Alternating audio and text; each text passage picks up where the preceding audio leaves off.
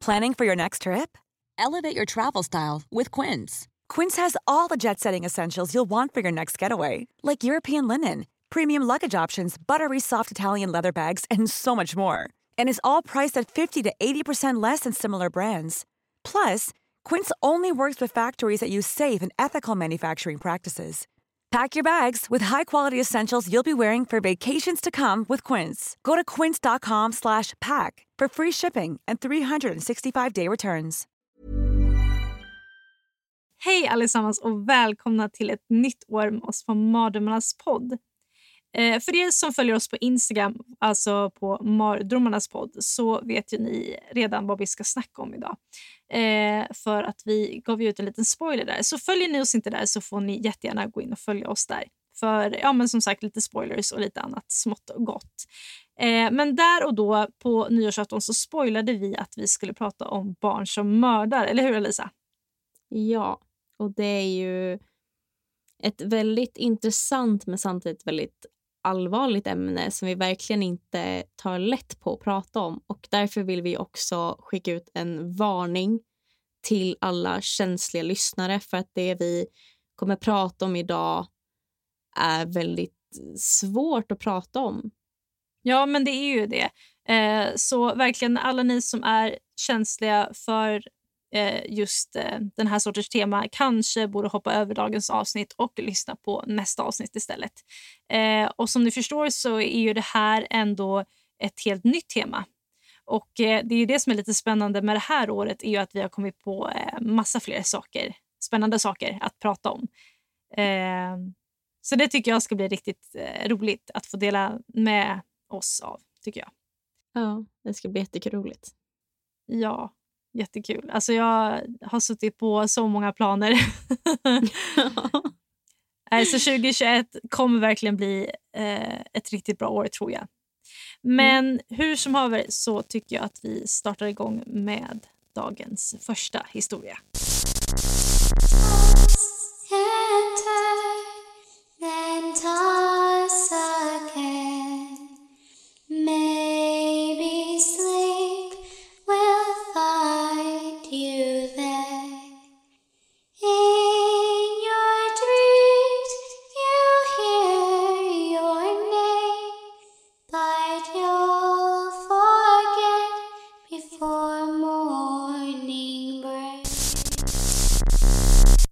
En mor och hennes lilla son är i den stora gallerian New Strand Shopping Center i Liverpool.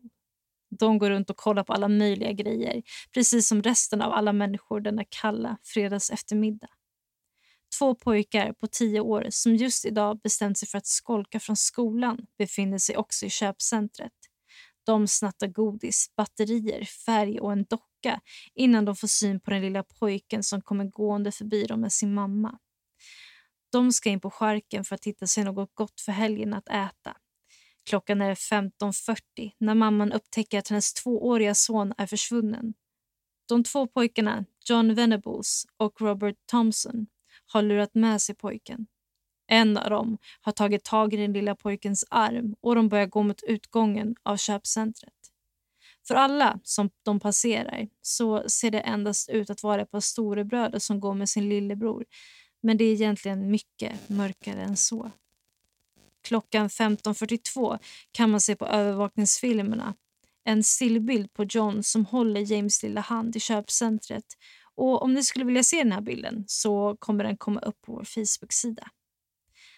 Pojkarna för i alla fall ut James ur köpcentret och därefter så påbörjar de en fyra kilometer lång promenad genom Liverpools gator. Under promenaden så ska John och Robert slå till James vid flera tillfällen. 38 personer ska ha sett dem komma gående denna fredag eftermiddag och sett och hört James gråta. Men endast två av dessa 38 personer som ska ha sett dem har konfronterat Ro Robert och John. De ska då ha kommit med ursäkter som att de har hittat James ute och är på väg mot en polisstation eller att James är deras lillebror. James, som bara är två år, visste ingen annat...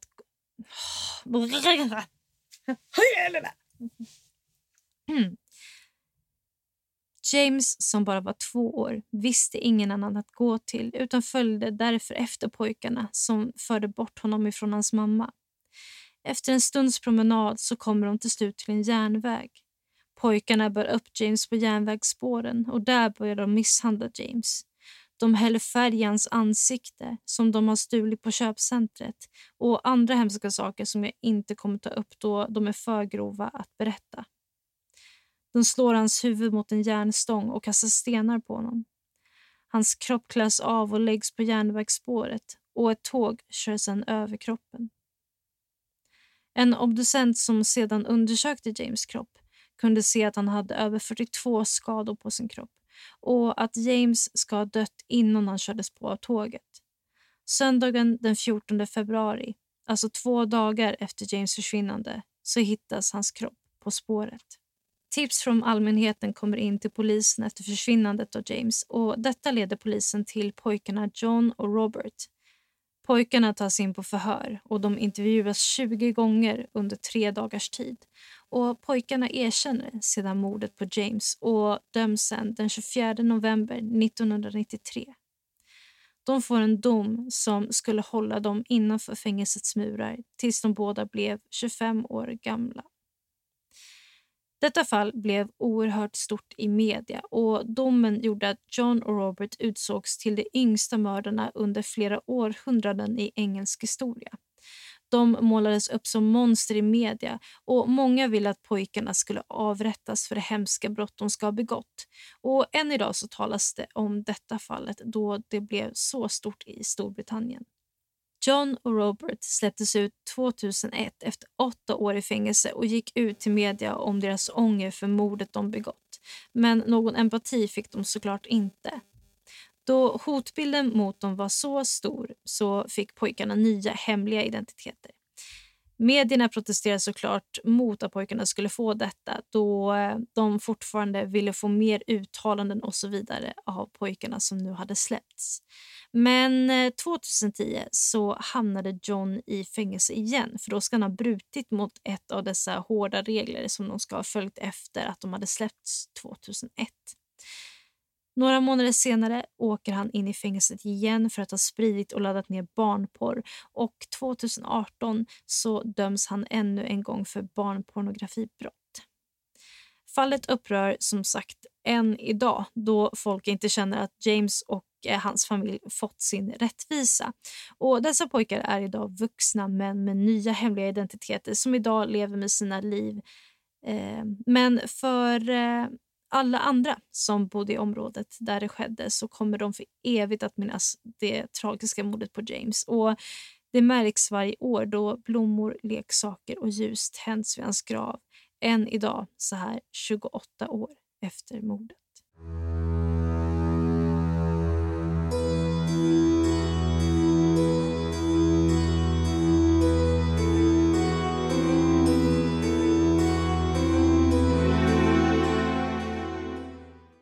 Ja, och det här var alltså eh, historien om mordet på James Boger. Och eh, för er som är intresserade av att eh, höra mera så har ju faktiskt hans pappa nu efterhand skrivit ut en eh, bok om eh, händelsen och allt det här. Men jag måste säga att personligen för mig så var det ganska svårt att ta upp det här fallet. Men jag känner ändå att eh, dock att det är så pass viktigt att ändå ta upp om eh, barn som mördar. För att eh, även fast inte skalan är så stor så eh, händer det ju i alla fall. Och eh, rent för mig personligen så tyckte jag att det var svårt och jag har en dotter som är ungefär i samma ålder som James var när han vart mördad.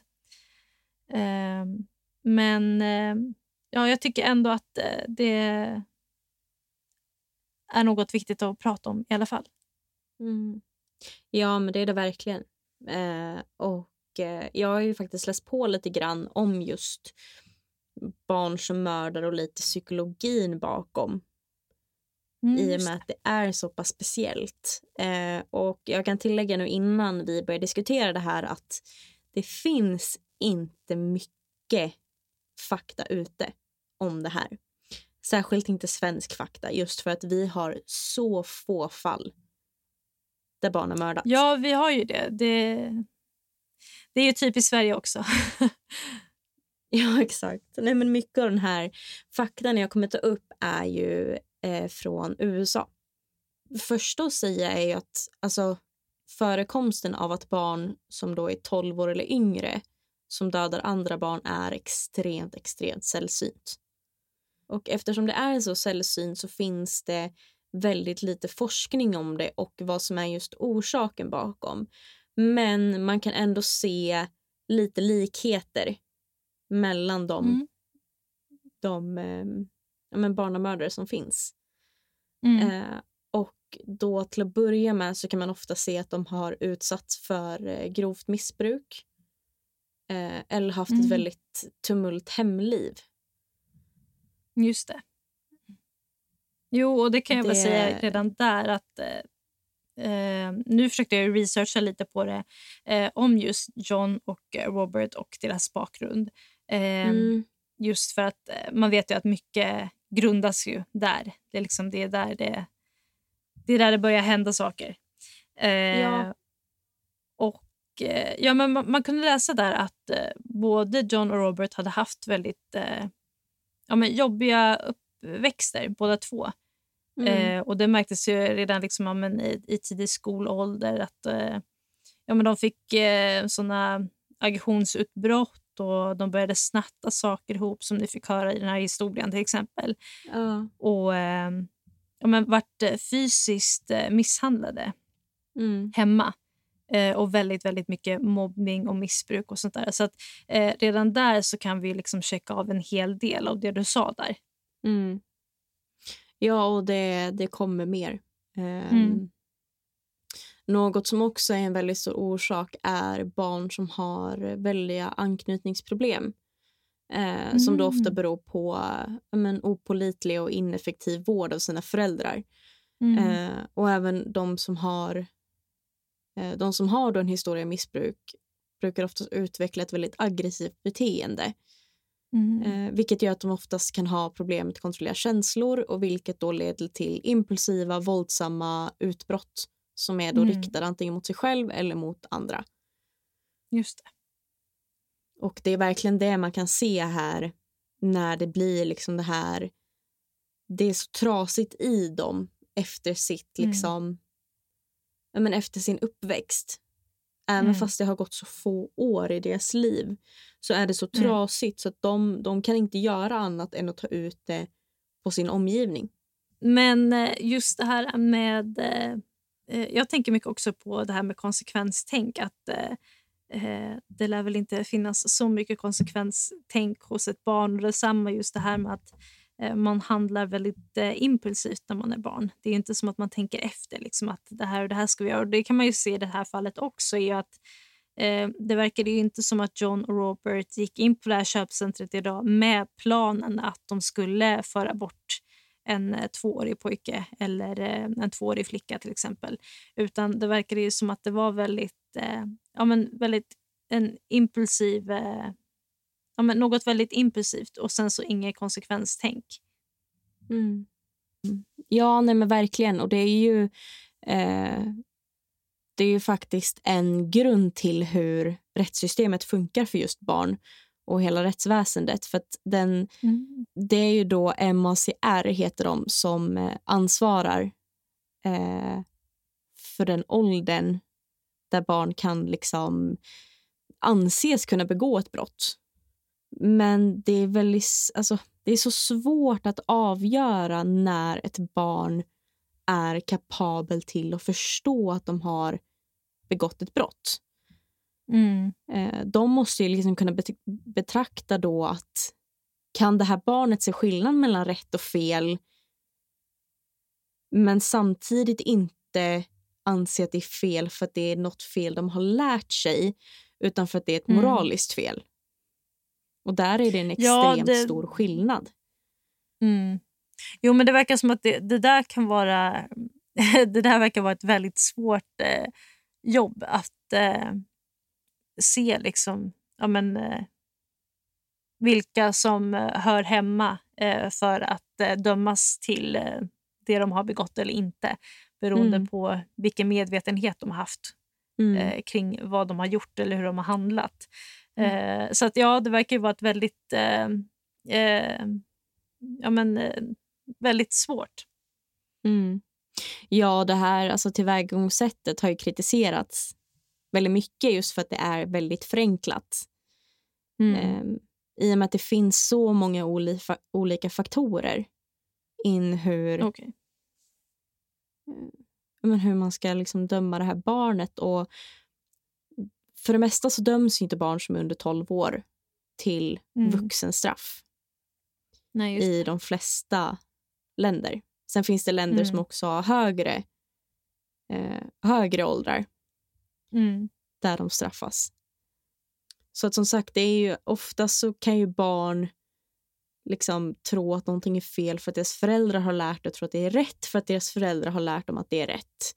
Just för att det är det Mm. de liksom är uppväxt och det är det de har sett. Så att det man har sett då är att de flesta barn under 12 år kan ju bara liksom resonera och lösa olika problem när det liksom visas konkret och inte hitta egna liksom lösningar på problemen vilket också kan leda till att de inte får det här konsekvenstänket eller kan se saker i det långa loppet. Mm. Ehm, och ofta så är det ju först i puberteten då som de kan börja resonera vilket gör att barn som inte har kommit in i puberteten än är väldigt emotionellt de är inte emotionellt utvecklade och Mm. har ju därför väldigt de har väldigt svårt att använda självkontrollen och uppskatta Mm. konsekvenserna av sina handlingar. Och det Mm. här i kombination då med att de flesta barnmördare är väldigt impulsiva och aggressiva. Mm. Det är en farlig kombination. Ja, det gör ju att liksom deras utlopp för våld blir ännu större. Mm, just det. Jo, för jag kan tänka mig det också att eh, med, precis som du säger, med mycket aggression och sen så ingen, eh, ingen på, konsekven, eh, på konsekvens, alltså, mm, konsekvens överhuvudtaget och sen att man är impulsiv. Det känns ju som en eh, väldigt farlig blandning eh, Ja, för någon som har mycket aggressioner och eh, vet liksom inte vart man ska lägga de aggressionerna på. Så mm. att, ja, det låter ju som att det kan vara en väldigt eh, farlig blandning. Någonting man också kan se är ju då att eh, offren till de här barnmördare är antingen mycket yngre eller i nära ålder som dem. Mm. Vilket man ofta då har sett att det är just för att de är men lättare, men lättare för dem. Det är inte direkt som att ett, att, att ett barn skulle kunna gå iväg liksom en fullvuxen man på det sättet. Nej. Nej, i och för sig. Men eh, där känns det ändå som att man har något sorts tänk i alla fall. Om man liksom Mm. väljer ut en person som är mycket, mycket yngre än en själv. Som till exempel Ja. de här två pojkarna som var i tioårsåldern. Att de valde ut en tvååring. Eh, Mm. Så att det känns ju ändå som att eh, när de har gjort det valet att eh, de har i alla fall något sorts tänk med det. Förstår du vad jag menar? Mm. Mm. Ja, men jag förstår. Men det är det som också är så svårt med det här. Liksom, för att Det finns så många olika aspekter som man kan liksom ta upp Mm. för att få liksom, olika slutsatser till varför de här barnen har mördats. Mm. Och där tror jag nog att vi kan prata i evigheter om. Ja, men man kan ju det och mycket om eh, just det här eh, påverkan ifrån eh, ja, men uppväxt och föräldrar och allt det där. Men det får vi nog ta i ett annat avsnitt. Vi får nog köra en Barn som var där nummer två. Definitivt. Så får vi ta upp det i, ja, men i det klippet i så fall.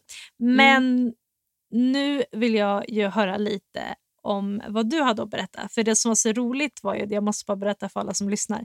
Eh, det som var så roligt var ju att jag, hade ju, jag satt och researchade och eh, försökte hitta liksom olika fall med barn som mördar. Och sen så hittade jag ett fall Mm. som jag tänkte så här, oh det här fallet, wow. Och sen printscreenade jag det, skickade det till dig och du bara, ja men det är det jag ska prata om. Och jag bara, ja, ja men det Ja. visste jag ju såklart. Så bra eh, synkade är vi. Ja, jo, men eh, det är lite där, telepati, du vet. Ja, Det, ja. mind. Ja, men Ja, vi är nej, ändå men- intresserade av lite lika, lika fall där. Ja, men är bra. precis. Nej, men, eh, väldigt intressant fall i alla fall. Eh, Mm. Så spetsa era öron nu för att eh, det här fallet är väldigt speciellt i sig.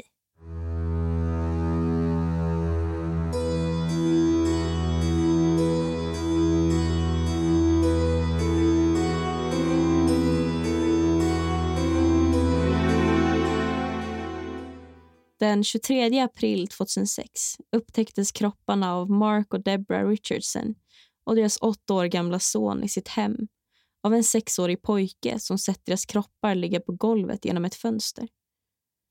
Mark och Deborahs livlösa kroppar upptäcktes liggandes på marken på källarvåningen medan lilla Jacob hittades på övervåningen och låg i en säng. Polisen upptäckte då att parets tolvåriga dotter Jasmine saknades och de fruktade att hon möjligen hade kidnappats. Men bevisen började snabbt stapla upp och uteslöt kidnappning och började istället peka på hennes egna inblandning i morden. Dagen därpå, den 24 april 2006 var Jasmine och hennes pojkvän Jeremy belägna tio mil bort och båda arresterades och anklagades för tre fall av första gradens mord. Jasmine och Jeremy träffades på en punkrockshow Innan Jasmine träffade Jeremy beskrevs hon som en glad och social tjej. Men det förändrades när hon började träffa den 23-åriga Jeremy som var 11 år äldre än henne. Hon drogs omedelbart i den goth-liknande livsstilen och blev medlem på webbplatsen vampirefreaks.com och började bära mörkt smink för att få henne att se mycket äldre ut än vad hon var. Jeremys egen uppfostran var inte lika hälsosam som Jasmines. Hans mor var alkoholist och hennes partner misshandlade honom. Och Barn i skolan mobbade honom och när han träffade Jasmine hade han redan försökt ta självmord. Från 13 års ålder så hade Jeremy utvecklat en väldigt speciell personlighet. Han hade en blodflaska runt halsen och hävdade att han var en 300 år gammal varulv. När Jasmines familj fick reda på hennes 23-åriga pojkvän så blev de rasande gav henne utegångsförbud och förbjöd henne från att träffa honom. Och för Jasmine och Jeremy var detta tillräckligt för att de skulle dö. Även om Jasmine hade diskuterat sina planer på att döda sina föräldrar med sina vänner vid mer än ett tillfälle så tog ingen av dem henne på allvar. Och under rättegången så hävdade hon att hon aldrig menat det. Det var bara dumt prat. Men tyvärr, både hennes föräldrar och hennes brorsa, så blev det verklighet. När polisen sökte efter bevis och letade efter motiv för de brutala morden så stötte de på flera onlinekonton som tillhörde både Jasmine och Jeremy. Och Det var lätt att anta att Jeremy, som var den äldre i förhållandet, var den som kommit med planen. Men deras onlinekonton berättade en helt annan historia. Bland de mest uppenbara var två meddelanden. Det första meddelandet som skickades från Jasmine till Jeremy stod Jag har den här planen. Det börjar med att jag dödar dem och slutar med att jag bor hos dig. Och Jeremy hade då svarat med Jag älskar din plan, men vi måste bli lite mer kreativa med detaljerna och så. Det andra meddelandet hade publicerat på ett konto som tillhörde Jeremy där han hade skrivit Betalning. Min älskades föräldrar är helt orättvisa. De säger att de verkligen bryr sig. De vet inte vad som händer, de antar bara. När deras girighet fortsätter så blir hon långsamt galen. Hon fortsätter att tacka för att jag kom in i hennes liv för att hjälpa henne och för att stoppa vad de försöker med.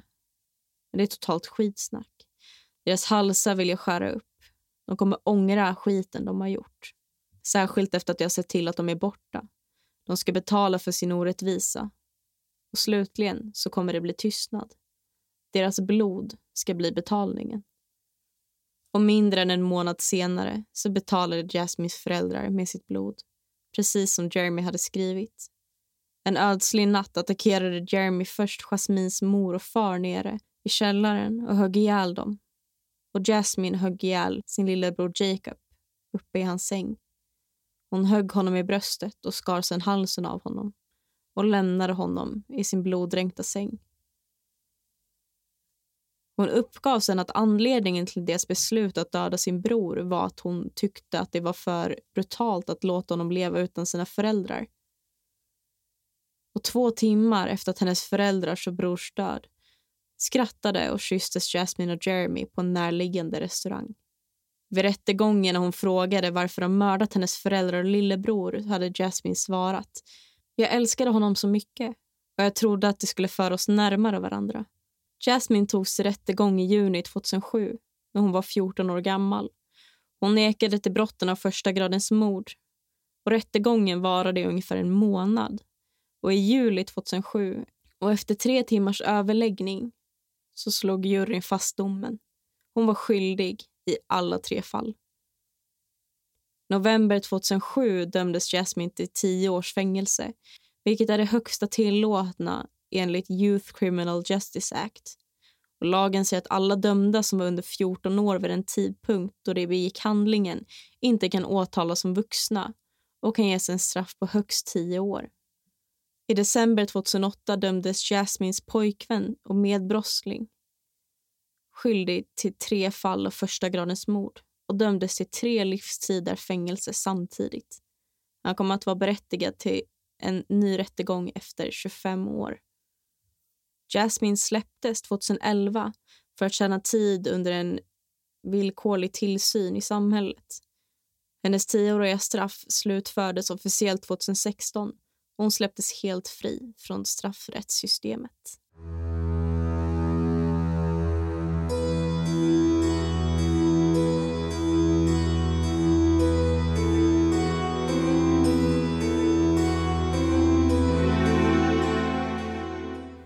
Jag förstår verkligen helt vad du menar med att det är jobbigt att prata om, som du sa efter din del, eller din berättelse. Mm. För det är verkligen tufft att prata om just barn som har mördat och särskilt när det är andra barn inblandade, vilket det är i nästan alla fall av barnmord. Mm. Ja, men jag tyckte, alltså jag tycker det att eh, visst att eh, föräldrarna fick dö där, men just att hennes bror fick dö. Mm. Det kände jag var så onödigt. liksom. Mm. Uh, uh, nej, det hade inte behövt hända heller. Nej, och jag känner att deras anledning till det är så orättvis. Just ja, men den är ju så hon, dålig. Ja, men hon ville inte att han skulle leva, eller hon tyckte att det var orättvist att han skulle leva utan sina föräldrar. Mm. Och det ger henne på något sätt en anledning att mörda sin bror. Jo, men det känns lite där som att eh, man liksom bara försöker hitta en anledning till att eh, det ska vara okej. Okay. Lite ja. som att hon har att, det att säga i rättegången, men eh, ja. Men alltså samtidigt, jag har lite svårt för det här. Eh, för så har det ju varit i både ditt fall som mitt fall som vi har pratat om nu. Att eh, de sen kommer ut och att de sen får helt nya hemliga identiteter och mm. få leva sina liv precis som vilka som helst i princip. Och mm. eh, i, i ditt fall så är det ju så att hon vart ju också bortstruken ifrån eh, eh, brottsregistret mm. och sådär. Eh, som jag ja, själv läst och... också, vilket är så här... Visst att man är barn där, men hon var ju ändå inte så så jätteliten. Jag, jag hade väl sett henne som en tonåring. Men, eh, mm, men det känns ändå som att eh, man lär ju ha en del konsekvenstänk i den åldern. Jag försöker tänka tillbaka själv. Mm. Liksom. Men eh, samtidigt, hon var ju så påverkad också av den här killen. Jag menar, hon är ung, det är liksom coolt med med att ha en äldre pojkvän. Eh, mm. och han, För hans del så är det ju så mycket lättare att liksom kunna manipulera henne och få henne till att eh, ja, men, göra ja, men, alla möjliga olika grejer. Och sen så just det här med att han hade en törst efter att döda någon och hon hade ett par föräldrar hon ville skulle dö. Ja. Och därför så liksom blev deras eh, relation så pass stark på något sätt. Ja. Känns det som i alla fall. Ja, jo precis. Alltså han var ju extremt trasig som person märker man ju med liksom hans mm. uppväxt mm. och just den här liksom personligheten han har skapat med varulven och allting.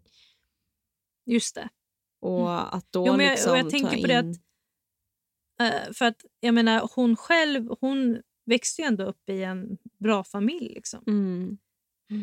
eh, där kan man inte se så jättemycket på att, eh, hennes uppväxt påverkade henne på det sättet att hon sen skulle utföra ett mord. Utan Nej. det känns ju mer som att han kom in i hennes liv, tog henne med storm och fick henne liksom till att eh, Ja. eh, ja, men till att väcka upp den här fantasin hon kanske hade haft till verklighet. Liksom. Ja. För att hennes föräldrar bara- ville ju liksom inte att, eh, att hon skulle vara med honom. Nej, det var inte så konstigt. Alltså, största anledningen till varför de inte ville att de skulle vara tillsammans var ju att han var 11 år äldre än henne. Mm. Vilket är liksom en 12-åring med en liksom 23-åring. Det är väldigt Mm. stor skillnad. Jo, men speciellt i de åldrarna också så är det jättestor Ja. skillnad. Och speciellt utvecklingsmässigt. Eh, Ja, men För verkligen. de båda så är det ju en enorm skillnad. Mm. Eh, så att jag, jag har lite svårt för det fallet. För att Jag har liksom svårt att se liksom, är, hon ett off, är hon ett sorts offer i det här fallet eller, eller inte eftersom hon har blivit så pass eh, manipulerad till allt det här. Men samtidigt så hade ju hon sen, sen eh, kanske innan haft de här fantasierna kring eh, sin familj. Men jag vet inte. Eh, jag tycker det är Nej, väldigt svårt. alltså. Hon förnekade ju allt Mm. och sa ju liksom att det hade bara varit snack. Vilket jag inte Mm. sen egentligen vet hur hon kunde ens säga i och med att det faktiskt har hänt. Mm. Eller att det faktiskt hände och att det fanns bevis mot henne så vet jag inte riktigt hur hon bara kan säga att det är snack. För det måste hon ju själv Mm. fatta att det kommer inte hålla i rätten. Nej. Nej men det är de det jag menar också. dog. att Hon verkar ändå vara så pass gammal att hon ändå förstår situationen som hon Ja. har hamnat i. Att hon liksom försöker dra det mesta till sin fördel och att man liksom ska tycka synd om henne i slutändan. Och just det här med sin bror, liksom att hon vill inte att han ska leva, eller, ja, men, leva utan sina föräldrar. och ja, men, eh, jada, jada. Men liksom ja, det... hon kan ju faktiskt tänka lite liksom. ja. För det är ju jo, verkligen men, så- Precis. Ja, för hennes ålder är ju verkligen gränsfall för när ett barn döms som ett barn och som en vuxen. Mm. Ehm, Så där kan man ju också lite se, hade hon kanske behövt dömas som en vuxen? Mm. Så det är ju liksom också, Jo, men för att- alltså, Men någon, någonting som jag är intresserad av är de här två tillsammans än idag. För vad jag läste så hade ju de eh, skrivit brev till varandra och sånt där eh, från att hon mm, ja. kommit ut ur eh, kåken så att säga. Ja men exakt. Eh, nej men när de satt inne i fängelse så skrev de väldigt mycket brev till varandra. Eh, och Mm. man kunde aldrig se någon ånger Nej. i någonting av det. Eh, utan Jeremy friade ju till henne via ett brev så det var ju en mun eller inte muntlig, skriftlig, skriftligt frieri. Mm. Ehm, där hon eh, sa ja. Ehm, Mm. Men sen kom ju hon ut och han har ju Mm. tre livstider. Mm. Just det. Jo, då Eh. blir det väl en helt annan verklighet kanske än när man sitter inne på kåken och liksom får eh, bara försöka tänka liksom på eh, ja, men, eh, allting som kan hända när man kommer ut och sen upptäcker hon liksom att eh, hon kommer ju aldrig kunna träffa honom. Liksom. Nej. Så om de har kontakt vet Utan. jag inte. Men jag Nej. tror nog inte att de kommer gifta sig. Mm. Och Men just det här de- också med ånger som du sa. Eh, att direkt efter mordet så hade de ju gått på eh, ja, men vad var det, restaurang eller café och satt Ja. och skrattade och allt det här. Eh, eh, det känns ändå... ja, men jag, jag tycker att det känns så fel på något sätt. Liksom att hon har kommit ut idag, lever på liksom, sitt liv eh, hur som helst, eh, ny identitet. Det är liksom ingen som kan veta vem hon egentligen är. Nej. Ehm, och sen Det- ändå ha ingen liksom ånger för det som hänt. Alltså, det känns som att man Mm. måste... Nej, jag vet inte. Det känns som, som att man måste ha någon sorts psy, men du vet, psykisk sjukdom eller ja, men du vet, någonting som liksom kan rättfärdiga varför hon gjorde det här. Liksom. Ja, jag, jag alltså, tycker det är så svårt. det värsta är ju som jag läste är att hon bor ju kvar i Kanada Mhm. ehm, och tydligen inte bor så långt ifrån sitt barndomshem. Men usch. Jaha. Så att hon bor kvar alltså, i närheten. Det känns ju som att det måste eh, vara liksom, eh, någonting hon vill eh, Mm. med det Mm. på något sätt. Mm. Ehm, så. Men jag som sagt, väldigt intressant, två väldigt intressanta fall. ehm, Mm. som båda egentligen handlar om eh, ett och samma sak, vilket har varit ämnet som vi har pratat om, eh, om idag, vilket är ju barn som mördar. Ehm, Men ja, Ja, nej, men alltså, jag tycker verkligen att psykologin kring det här är jätteintressant. Mm. det är Ja, väl men, egentligen eh, med det- mördare överlag. Mm. Men just att barns sinnen är ju så extremt enkla och så extremt komplexa. Mm. Så är det väldigt intressant att prata om. Och vi hade kunnat prata om det som sagt i åratal om vi kunde. Men eh, Ja, Vi men kan precis. prata i evigheter i det här avsnittet. Nej, det börjar kännas lite nu på halsen här.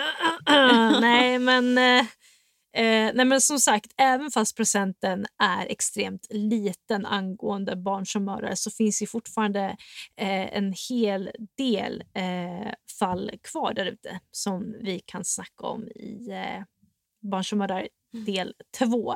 Eh, sen får vi väl se när den Mm. kommer ut. Eh, men som sagt, håll er uppdaterade på vår Instagram där vi heter Mardrömmarnas podd och på Facebook där vi heter eh, Mardrömmarnas podd eh, för att eh, få lite spoilers och eh, lite smått och gott. Men ha det bra så länge så ses vi i mardrömmarnas värld.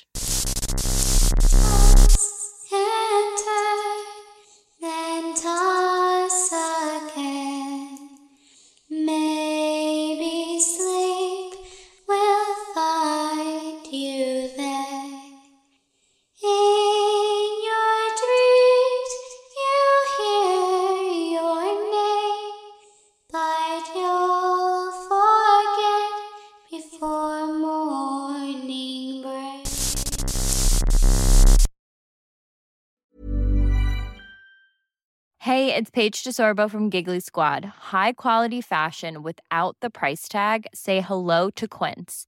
I'm snagging high-end essentials like cozy cashmere sweaters, sleek leather jackets, fine jewelry, and so much more. With Quince being 50 to 80% less than similar brands. And they partner with factories that prioritize safe, ethical, and responsible manufacturing. I love that. Luxury quality within reach. Go to quince.com slash style to get free shipping and 365 day returns on your next order. Quince.com slash style.